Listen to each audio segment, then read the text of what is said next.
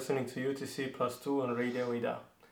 Our guest tonight is Charlie Moreno Romero, and we're going to talk about education, anthropology, and democracy. Thank you, Johan. Hello to the listeners. Um, it's a pleasure to be here. My name is Charlie, I'm Colombian. My background is in uh, philology, anthropology, and also studies uh, in, in education. I consider Estonia my second home.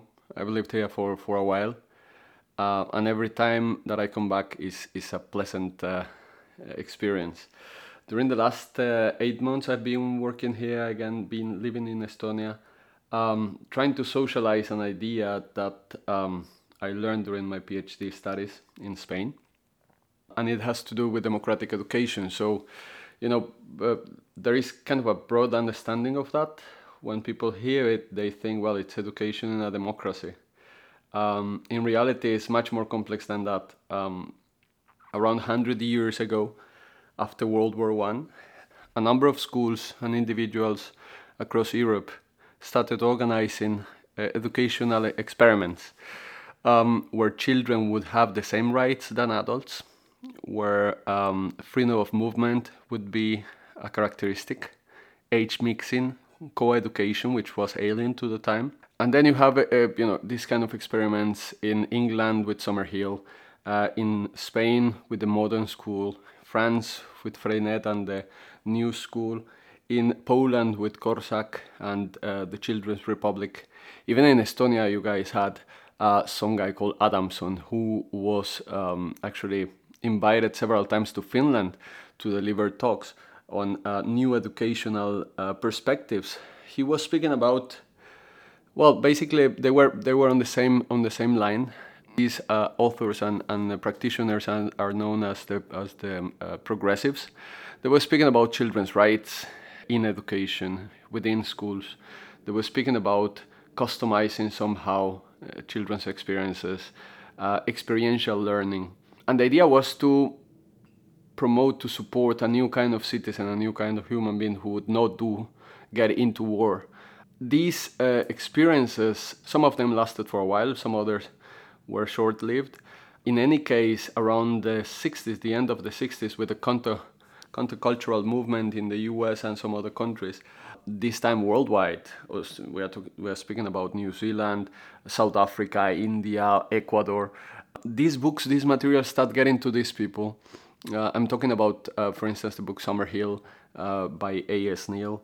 Uh, I'm talking about uh, the works of, of some other authors, uh, psychologists as well, Carl Rogers with anti-authoritarianism.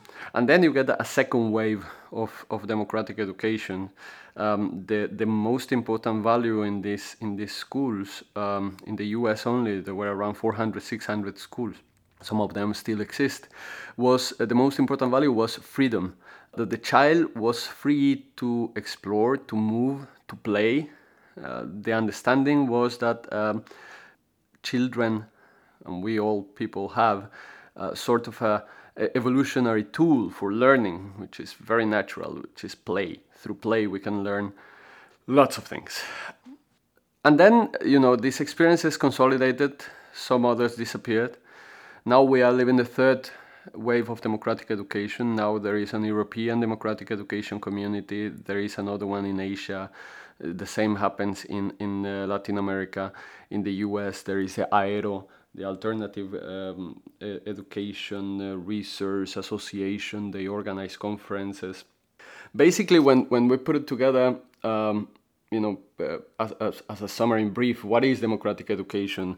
Um, according to some of these practitioners, you would find two main uh, characteristics. One is um, the possibility to customize your learning, meaning that children are in charge of their learning. Uh, they decide what, when, how, and who with they would learn. Schools could have some sort of workshops, but children are free to decide whether they attend or not. Taking into account that children are curious by nature, we human beings are curious by nature. Well, this, this really places the responsibility on the child's uh, the child's uh, uh, agency on what kind of learning they want to develop. The idea is to support their identification of their own potential and to provide the tools for these children to to be successful, but especially to be happy, to be uh, fulfilled, to feel that their lives are, are, are meaningful, to develop a passion, and uh, if this is the case, to make it into a profession. Um, the second characteristic would be the children's participation in decision making processes. This means that children participate in making the rules of the school, participate in solving the conflicts. Uh, they organize events, propose uh, workshops, um, and in some cases they even manage budget. Now, from my research, I was I was um, studying for three years uh, a democratic school in Spain. There are a number there are some other characteristics. On the one hand, then you have the freedom of movement and uh, exploration. Therefore, there is also freedom of association, which makes age mixed environments, you know, the common rule.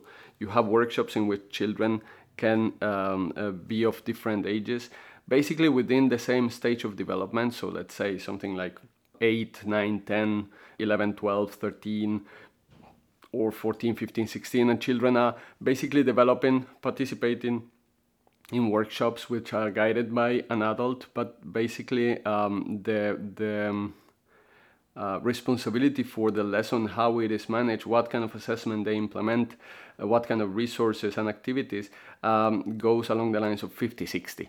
Um, you know, uh, it's it's it's a shared responsibility with the adult. Mm, but definitely there is no coercion, there is no forcing anyone to get into a workshop.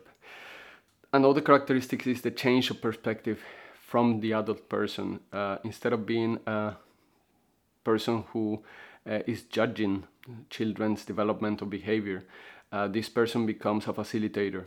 Also, facilitating understanding how to live in community, how to develop social intelligence, um, uh, communication habits, how to, uh, you know, through practice, develop empathy towards those more vulnerable. So when we, uh, you know, there are there are people might ask why why is this important? Why is this necessary? Partly, uh, it is explained in terms of our ignorance of where our educational system comes from. We have been told several times that our schooling uh, was born from the needs of the Industrial Revolution. Uh, that is not true. It is just um, an accommodation of, you know, let's make it sound a bit softer. In reality, our educational system, and I'm basing my statements on um, uh, a historian, an English historian called uh, von Melton. Um, this guy went to uh, Leipzig to find the archives of the Prussian regime. He found the, the uh, references uh, and the directives from uh, the Kaiser Frederick II to um, military priest called August Hermann Francke, a military priest. I, I have to emphasize this. This guy figured out a system in which children would be divided by age, subjects will be clearly cut, not associated with each other, but rather taught as an individual entity the teacher would be in command of uh, the class. He would be in charge of keeping discipline and uh, judge uh, students' understanding of the topics. When I say understanding, I mean um, uh, the memorization and repetition of the information that was given. Does it sound familiar? Uh, basically it hasn't changed much. We now nowadays, from the perspective of the nation state, we tend to see education in Estonia or education in Colombia or education in Finland. Uh, but Finland is a different case. But education in Germany. But actually, it comes all from the same background. Um, this guy was the one who uh, invented, designed our schooling system. The goal was basically to pro- to promote, to provide the um, Prussian Empire with um, obedient citizens and disciplined soldiers. Um, not much has changed. Not to say that teachers are uh, dictators. I don't mean that. What I mean is that there is a perspective that children are incompetent, incompetent and irresponsible. Uh, when children are treated as such, in time they, they behave like that.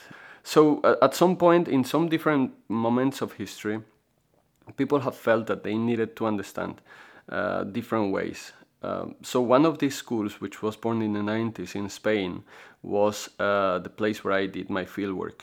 I was um, trying to understand how the, the school worked uh, within the Spanish, uh, at the local level, also within the Spanish uh, state. At the European level, how did it relate to other similar schools? And uh, what was happening around the world? So these, these questions uh, I was participating in a research group dealing with education for social justice. And all these questions brought me to, um, uh, you know, visit, made me visit, invited me to visit different conferences, different kind of schools.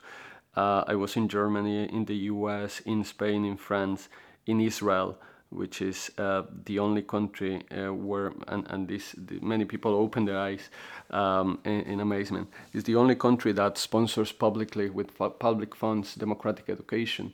Um, not perhaps not ideologically, but uh, the people from the democratic schools in Israel found a gap, uh, a, a hole in legislation that they could use. So basically, they made sure that all safety requirements were met so they could get uh, funding to their schools. In the schools, these are managed exactly as, as I was, well, similarly to, to what I have described. And you get children from Arab background and Israeli background studying together in an environment in which there is no coercion, in which there are you know, the development of positive relationships between children and between uh, uh, adults and children, uh, like the rule. And uh, at the moment, we actually get uh, to witness the emergence of um, conscientious objection to military service uh, in Israel, and these initiatives have developed in uh, democratic schools there. after having studied all these these uh, processes um, with my family, we decided to come back to Estonia. My family is also Estonian, and to you know socialize basically what what uh, uh, I had learned. Um, to share with people, to support communities in um, enriching the Estonian educational landscape. Um, there is an issue, and is that, uh, as you heard, as you have heard, Estonia gets really good uh, PISA exam results. So um, uh, the majority of the people think that answering exams uh, constitutes a good education. Now, from my experience in Estonian public schools, private schools, universities, what I have found, um, uh, people who might be very diligent at following instructions but also people who are lacking self-esteem, who don't feel capable, who lack creativity or initiative. Uh, and this is not their fault. Is the thing is that we have been spoon-feeding people for 300 years, and at the moment, we want them to be creative, to have initiative. There are several stories I, I can speak about, uh, but I, I will stick with why is it relevant at this moment. We are going through the fourth uh, industrial revolution, a technological revolution. At this moment, when employers are asked what is it, what is important, what do you look for in your employees, what you get is, um, you know, they emphasize uh, soft skills. You know, the other skills like computational thinking, you can develop these really easily. Soft skills take much more time, much longer. They are related with uh, divergent thinking, critical thinking, which is completely closely related to uh, creativity and curiosity. Um, they are looking for people with initiative. Are people would uh, for uh, people who um, have social intelligence, meaning that they can communicate with people from different backgrounds, work together, ask different questions about the topic, but find also answers about the topic. What we are getting uh, from um, uh, conventional schools, well, it, it is it is not exactly that. There are people who are interested, but still, you know, the the idea that the uh, Estonian educational system is is really good um, because uh, PISA exams managed by a private company, which actually charges countries to get the results and to give feedback. Um, well, it's it's widespread. You know, it tends to be considered as objective. So at the moment, we are working with some uh, youth groups trying to raise awareness about the different options. There is a person called Sugata Mitra, an Indian IT guru. He was working one day in his uh, office and he was staring at the slums in Delhi and he was just wondering, you know, why these children are not learning. Learning does not mean going to school necessarily, but why aren't they, why aren't they learning? he developed uh, an experiment. He opened a hole um, on a wall. He uh, installed um, a computer with internet access, uh, waterproof, dustproof, and he just left it there. He recorded the whole process, how children started to learn on their own, started to explore this environment, started to learn English. Um, they were looking for some of those who were going to the uh, attending school. They were looking for information to uh, do their homework and so on. And he developed a concept uh, called um, SOLE, self-organized learning environments. Um, this implies that children can learn on their own. They need facilitation. They need some guidance. But especially, you know, during the last 10 years, we have realized that the most important thing in education, uh, in learning, uh, you know, taking into account the brain processes. Um, the most important thing are emotions. Uh, when children feel capable, when children can take control of their learning, um, this changes the whole attitude towards well their own processes, the exploration, the curiosity, you know, how they express themselves. Um, this guy was in one of these conferences and, and he was asking uh, if we remembered you know what 1997 looked like. This was in 2017 so 20 years ago. 1997 do you remember what it looked like? Uh, well there was um, there were computers of course. There were uh, there was internet some sort of. It wasn't that quick. There were some emails uh, with dial-up connection. Did not have any facebook. We didn't have any twitter. We didn't have any moocs for uh, distance learning uh, we didn't have any Instagram or any um, or any Facebook or Messenger. You know, our phones were huge. Now we have access to any kind of, of information just by by um, looking it up on our cell phones really quickly. So he asked us to consider what kind of reality we are living at the moment, um, and then he asked us, "Do you believe? Do you can you can you imagine what the world would look look like in uh, 20 years? Would it be important to memorize stuff, or rather, we will have access to information in a, such a simple way that some other uh, abilities and skills would be the most important. And this is one of, of, of the fallacies of, education, fallacies of education. One is that there is no learning without teaching. Another one is that even though we don't know what the world would look like in five, ten years, people who are building education curricula think that they understand what our children will need, what kind of skills and knowledge they will need in 10, 15 years when they are incorporating into the labor market. So, well, yeah, this is this is a brief uh, overview of democratic education. Now, you know, my, my research had had to go through informal learning environments, and this was this was really interesting. Most of the schools have prepare environments in which children can uh, can use. They can use responsibly. This is the part of the practice: how to use responsibly these common public spaces, how to leave them tidy, how to uh, account for uh, the materials that you are using. And this is something that neuroscience has taught us during the last 15 years, is uh, that uh, the most meaningful learning happens in an informal way when we are not even realizing it. So children are now learning English uh, when watching um, cartoons. Um, I actually did it. I learned English when I was watch- when I was playing a video game I was 12 or so. And I realized that I was learning uh, the language when I had to speak with other people. And I was like, oh, yeah, well, I, I got this from that experience. So, you know, uh, uh, libraries, um, uh, even conversations with other people, these are awesome opportunities for, for people to, to learn stuff, to, to develop new interests, or to develop, to, to ask some questions, you know. If they have the tools, then they would find their own answers. We are speaking about learning to learn. This seems to be a very important uh, skill nowadays that adults are speaking about. Unfortunately, when we are spoon feeding them, we don't let them learn to learn.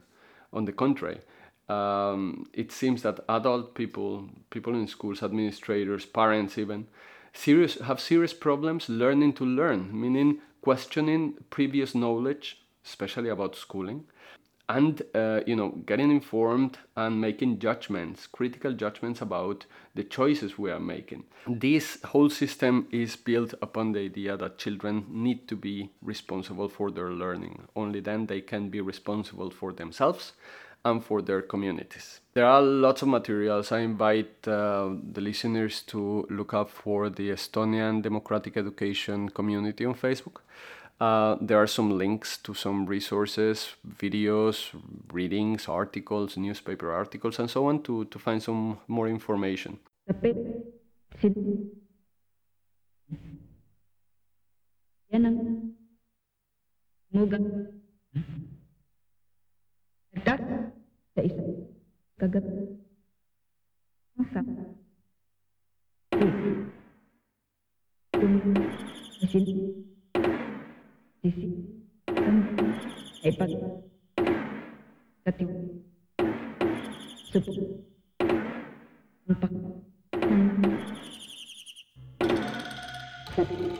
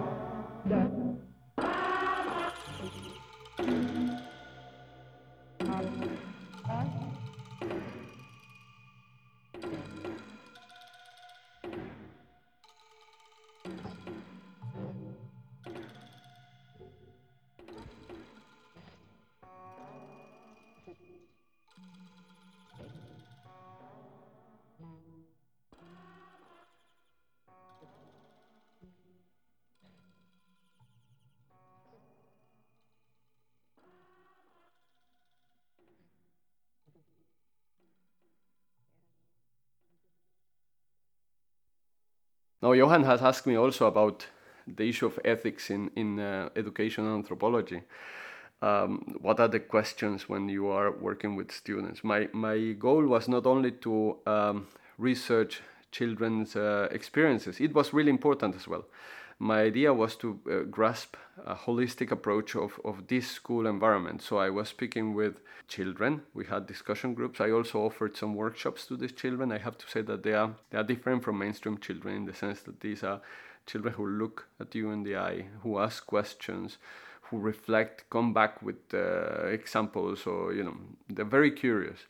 I was also speaking with parents. I was speaking with members of staff of this school and I was also reaching to graduates to find out what is going on. So this makes part of also of, of producing science, making science in, in, in, in the social sciences is especially in education. It's okay, it sounds really beautiful, but what are the results? There are few researches on that, on the graduates' experiences. Uh, mostly from the US, from the UK, the one that I did in Spain. There should be something uh, from Israel, but might be in Hebrew. I couldn't find anything in English, so I, I didn't use it in my thesis. Um, the results are overwhelming. Uh, around 95% of the children of now adults um, consider uh, that their experiences um, positively influence them in finding a vocation. 70% of them became entrepreneurs, uh, their own bosses. They applied, they, they uh, reported they applied the skills they learned during the these these democratic uh, school years. They applied those skills uh, on uh, their their job experiences. I'm quoting here Peter Gray and uh, Chanoff, two researchers from the U.S. who have um, researched the Sudbury Valley School uh, in Framingham, Massachusetts. But there are also some other people in uh, in England who have done research on the graduates of uh, Summerhill, and and the results are, are, are really similar. These are people who uh, feel emotionally stable. They kind of went through a smooth transition. What was their play, let's say carpentry or taking care of others, became their jobs. There is an approach to taking care of people, really, really strong. Uh, people who become firefighters or uh, doctors or uh, you know and they have no problem getting into higher education there is a constant pattern you see when children are around 14 16 they start being aware of exactly what they want to study further what do they want to do. And then they start preparing themselves with the help of the schools to uh, take exams or they enroll into the last classes of a, a basic school and they take the exams and they have absolutely no problem. They understand that there are some uh, gaps of knowledge. They go through it and there are a number of experiments in which uh, you know children are free to explore to play and later on they prepare in the us for instance one of these schools um, the children age 15 covered the mathematics curriculum which lasts six years they covered it in six months uh, the main difference was that they were interested not that they were um, spectacularly intelligent or smart. They were just interested. They wanted to um, start programming and they wanted to build a video game. So they understood they needed algebra and they needed some other mathematical tools. So they look for the help. They develop this interest. They had the motivation. And this is the main difference. Democratic education works um, upon intrinsic motivation from the person to develop, to learn, to do things not extrinsic motivation from coercion, which is exams, homework, the authority. Many people are doing their homework or taking exams out of fear. They're afraid that if they get a bad grade, they don't repeat exactly what the teacher has said. Then they will be uh, told off or grounded, or perhaps if they get a good grade, they will be rewarded, they will get a new phone. Uh, this is uh, totally the wrong approach. Then we get people who have no motivation in the workplaces, they have no initiative. Going back to the research, there was uh, the research conditions and, and, challenges. Of course, working with children, you need to have informed consent from the parents. I was explaining to the to the children, but also to the parents and the graduates, what my research was all about. And before submitting my thesis to my supervisor for the last review, around a month before that, I sent a draft to um, to the graduates, to the children, to the parents, and to the school staff. They review it. They made some uh, suggestions, like for instance, not to call them schools, school, but to call it a learning environment or a pedagogical setting uh, also some some uh, I was I was critical as well of some some uh, issues. You know, when we think that uh, we uh, you know children will be given freedom to decide stuff, then we are thinking, well, this is chaos. But obviously, when you get freedom, you get also limits. The difference is what is the nature of these limits. So in these cases, what you see are functional limits, which allow for everybody living in the learning environment to be relaxed to enjoy. There is no bullying in these places because there is uh, conflict resolution. As soon as there is some kind of abuse, children are entitled to bring this case to the school meeting, and the whole community uh, is dealing with the issue. They get to commitments. Uh, it's not about punishment, it's about restorative justice. It's about how we can all find a situation in which we are relaxed and we enjoy being in there and then they had this opportunity to send me feedback, which I appreciated very much. Uh, some people uh, added comments that they had missed. For instance, the graduates, oh yeah, I remember this event when ha- this happens in the school meeting and that, and that was really interesting to to get to know. Especially, I believe that during the last years we have come, we have become much more in anthropology, much more aware of the need of uh, socializing in simple language, not in this meta language that most social scientists work, uh, use. In simple language to socialize with our quotation marks natives, uh, our research. You know, it's us speaking about them in a way, but this needs to be a collaborative process. So that was that was something I, I went through. I have to say that this this completely changed my perspective on education. I have been a teacher before moving to to Spain to research this school. I had been a teacher for 10 years. I had seen the lack of motivation. I had used, I had tried to be a nice teacher, you know, uh, motivating students and organizing interesting activities and so on. But I was missing the, the, the whole structural vision of, of why is it that, that children are so burnt out. Um, completely disconnected with with these learning processes organized by people in ministries of education or universities. And this has brought me to a different kind of, of, of vision. At this moment i am a teacher at an international school here in tallinn. I have uh, 15 students. I am only part-time teacher there and i teach humanities.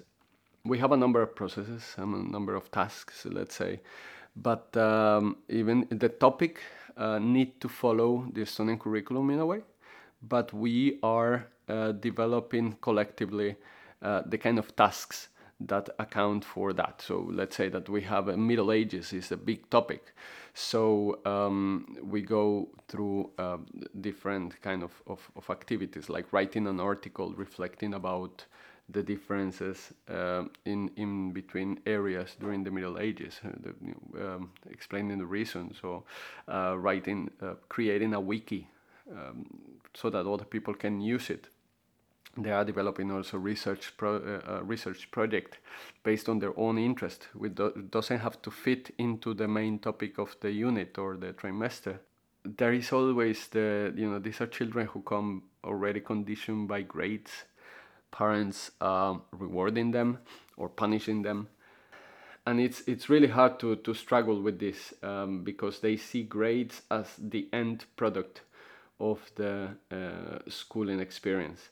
They believe that uh, grades will show that they have learned. Uh, in reality you know when we make a, take an exam uh, unless it is a language exam and you are actually using the language when it's about content you might repeat the information properly after two months if you don't use this information it's gone.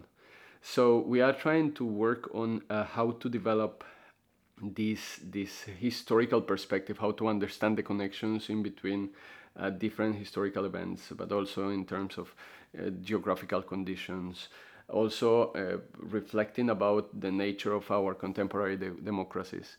What are the challenges unfortunately, one of the challenges that I see in uh, the lesson is that um, the children are, many of them, are completely disconnected from reality. They don't read the news, they don't watch the news, um, they get their information through Instagram, through Facebook, through Google News, so it's already well sorted out.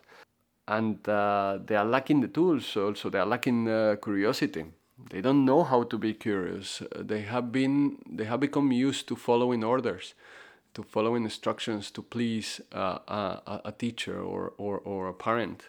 So those are those are very very difficult um, um, uh, challenges that uh, somehow I'm trying to to cover. Now in these democratic schools, what you see is that you have when you when when you know after the research that I identified two different kinds of children you, on the one hand, we get the natural ones, quotation marks, those who have never been schooled, who have taken, who are very autonomous, who face the most difficult task for uh, any child, which is what am I going to do today? These are very difficult choices. Nobody's telling you that you have to do A, B, or C. So it was it was very shocking and surprising to see Monday morning how children were reaching to the school, and some of them were they had completely clear understanding what they were going to do. Some of them were to the library to read that book that they are reading. Some others were organizing some uh, campaign with classmates about uh, media, media literacy, and uh, and uh, freedom of expression. So they were working in the team as well. Some others went straight to the music room to continue uh, uh, practicing that tune that they are really into so um, these are the natural, let's say, those who understand that they are in charge of their learning, those who start exploring in order to find the, the, their passion, their, the potential. On the other hand, you have those children who are conditioned, who come from schools. In many cases, they come with um, with a series of tags like uh, attention deficit and hyperactivity disorder, autism, Asperger's, different kinds of tags. Many of them come medicated. I would say that something like 100% of these schools tell them stop medicating your child if you want your child to come here, tell to the parents. And in many of these cases, actually, they do it. You know, uh, uh, parents um, stop medicating the child. It is very difficult. Parents need to be involved, really deeply involved, closely involved into this process. And children start attending. Most of the cases, uh, they um, experience uh, two, two, two, um, two situations. On the one hand, many of them are pushing the limits, uh, challenging as much as they can. When they see that actually it's not it doesn't depend on adult authority, authority but uh, uh, actually it is the whole community building up the rules and the whole community solving the conflict. Uh, the attitude completely changes. Nobody's judging them, nobody's pushing them or uh, judging them in a, in a, in an aggressive way, anything like this. Um, the idea is that the person feels comfortable in this space. So when this person feels comfortable, can, they can continue exploring different learning possibilities. Uh, the other situation is that they will just sit there um, on on a on a uh, sofa and talk to the friends and and do absolutely nothing that is considered academically. Some people, and I call it like this, school hangover, which is after so much time of, of being forced to do stuff, they decide that they, they don't want to do anything that remotely deals with academics they um, this this lasts around one year. The family, in most of the cases, is needs to be there supporting these children, letting them understand that you choose this, it's okay. Um, you know, children understand this fear of parental fear that oh, you know, why aren't you learning or so on. So parents need to be really understanding that they are trying to find um, an emotional balance at that moment. After that year, year and a half, these children start getting bored. We have two different kinds of boredom. One is the boredom that most of us experience in schools. This is the oh again, you know, hiding behind the book and like we see no point in that. Uh, in those activities. The other kind of boredom is a, a kind of a positive boredom. Is nobody's telling you what to do. You need to figure out what to do. Nowadays, we are as parents. I have an eight-year-old child kind of we try to organize every single moment of the of the days. We don't want them to get bored, but boredom is extremely important. Not impose boredom, but uh, rather a logical boredom. I want to watch TV. Okay, what is the limit? How long uh, is is good enough? Okay, one hour. Okay, after one hour, then we don't watch any more TV. Then uh, you um, figure out what you need to to do, right? And in the beginning, it's painful because they don't have any idea uh, what they want to do. Later on, they start reading stuff or they start doing some handicraft or they uh, discover podcasts like this one which are very interesting you know in your own time doing your own stuff listening to different stories or different experiences and in time they develop they develop their, their own projects um, they understand what they are good at um, some of these children that I know of, for instance, have gone through university studies. One of them, for instance, in Spain, is um, a specialized technician at a scientific lab. Uh, another one is a professional photographer. Another one is finishing the course to become a firefighter. These are people who had the possibility to come to terms with their experiences, to make peace with adults and with themselves to build on this broken self-esteem, negative self-image. And they have developed a project for their lives and, and they are pleased with that, they're happy. If you want to put it in pragmatic terms, they are useful to society as well. But especially the shift, how they understand this this change, it's, it's particularly interesting. There is a gap of, of knowledge we are uh, in regards to what happened with the graduates of democratic schools.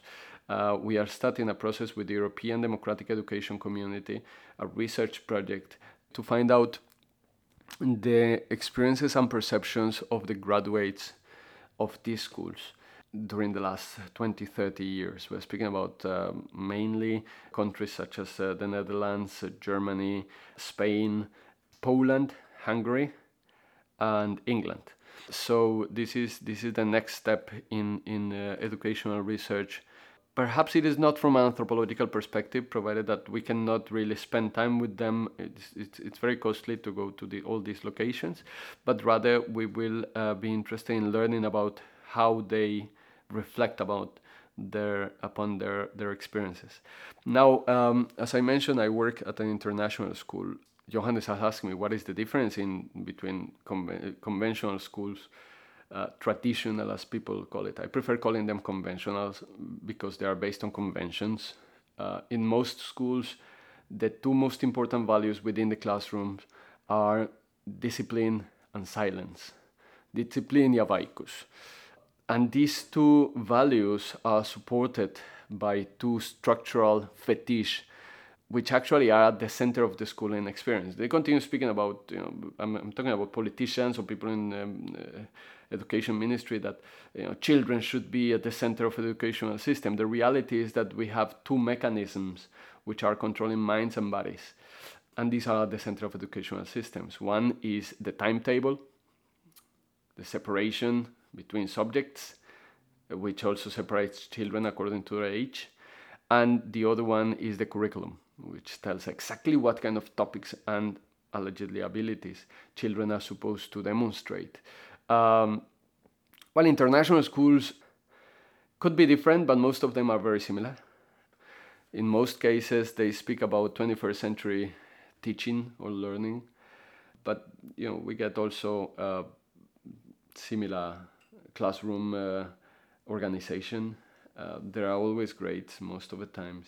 Now the IBO, the International Baccalaureate Organization dealing with all these international schools, have understood that at least in primary years we need to customize students' learning, meaning not differentiate, not to make it possible that everybody reaches a supposed average, but rather to help children develop their strengths, understanding where they want to go. They are valuing free play, but this is uh, very hardly um, getting into the classrooms, into the into the daily experience of children and, and adults.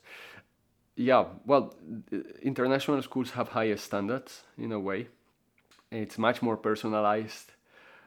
There are there is much more flexibility, and in the end, it depends also on the teacher. You know, if if you are an old time old uh, old style teacher who is uh, reading from the textbook and uh, expecting children to take notes and this will be in the final exam um, but you might be bringing this experience to an international school right um, on the other hand international schools most of them are private only in finland in finland uh, education continues being a right not a service this means that it is illegal to have for-profit schools in Finland uh, by law. So you have international schools, but these are public schools. Everybody can access, access uh, these um, these schools. It is not first class or second class. So um, you get you get state of the art equipment, for instance, in the labs. You get qualified teachers, but um, it is not uh, so revolutionary as or so um, when we speak about democratic education, democratic schools, we are speaking about a different kind of, of, of perspective. We are speaking about uh, counter educational publics. Uh, these are people who want educational change, but they don't think it is possible within the system. So they start creating their own realities. Um, uh, and this is spreading fast. Uh, also within uh, people uh, who have worked in international schools, like me. In the Estonian case, you have a number of experiences and initiatives. You have a school which is has been working during the last 10 years or at least, which is already a member of the European Democratic Education Community, which is Leiutajate Kool in uh, Sänna, in Võrumaa. There are plans for some other schools to open or recently opened. What has astonished me here during these eight months is that even those people who are interested in opening different alternatives, they are very reluctant to collaborate with people who come from abroad. They want to keep their schools in Estonian. They have read some books, but they're very reluctant to uh, incorporate different knowledges to their project. It's very much um, isolated kind of a bubble. And it's very hard to get into that bubble, especially to start building together. So um, I, I really hope that you know people. Uh, when I ask people, when I ask children first of all. How do you like school? Most of the cases, they would tell me, it's okay. Or they tell me, I like it. Then next question I ask is, okay, besides your friends, what do you like about school? And uh, then they say, well, n- not much. Or they would say, well, I like music or I like maths, you know. When I ask adults the same question, many of them actually um, agree. You know, so socially it was great. I could have some friends and so on, but uh, it was really hard. It was it was unfair in many cases, right? It was very authoritarian. Perhaps that is one of the effects of conventional schooling is that we somehow develop some Stockholm syndrome. Uh, we don't see a different way how our children would learn that is not in conventional schools and we are looking for that nice teacher who will make learning not so terrible. Uh, but we are perhaps we are lacking the information to create alternatives. I have got in touch with several schools uh, who are facing the same problems: lack of motivation by students, teacher burnout, uh, students don't get any responsibility. You feel that the, the climate of the school is really, really heavy when I socialize potential uh, strategies like let's involve students into the um, the the, ma- the decision making. Let's uh, involve students into the curriculum requirements across disciplines and create projects uh, that deal with those requirements. Um, let's figure out how we can organize a specific specific timetable spots where children can prepare for the exams, but uh, you know that sometimes they have also for their own interests with uh, you know, age mixed environments and so on. The two fetish come come out, timetable and curriculum. So it's it's very difficult. In the end, I would say that this democratic education, the difference with conventional schooling is that it does not follow a hierarchical structure from top down, but rather is based on grassroots involvement on parental engagement in changing the relationships with children. Not permissively, not to let them do whatever they want, but at least to treat them with dignity and respect, to involve them into the decisions. And of course, we have more experience as adults. Sometimes we need to, uh, you know, call the, the decisions. We just make them and we explain the reasons, and that's it. There is no room for, for discussion on that topic. But uh, definitely, children develop a different kind of attitude to themselves, to the learning, and especially uh, themselves in a community. And this is what I take and I keep, I cheer from this experience of, of learning democratic schools. Thank you. You've been listening to UTC Plus 2. Our guest tonight was Charlie Moreno Romero.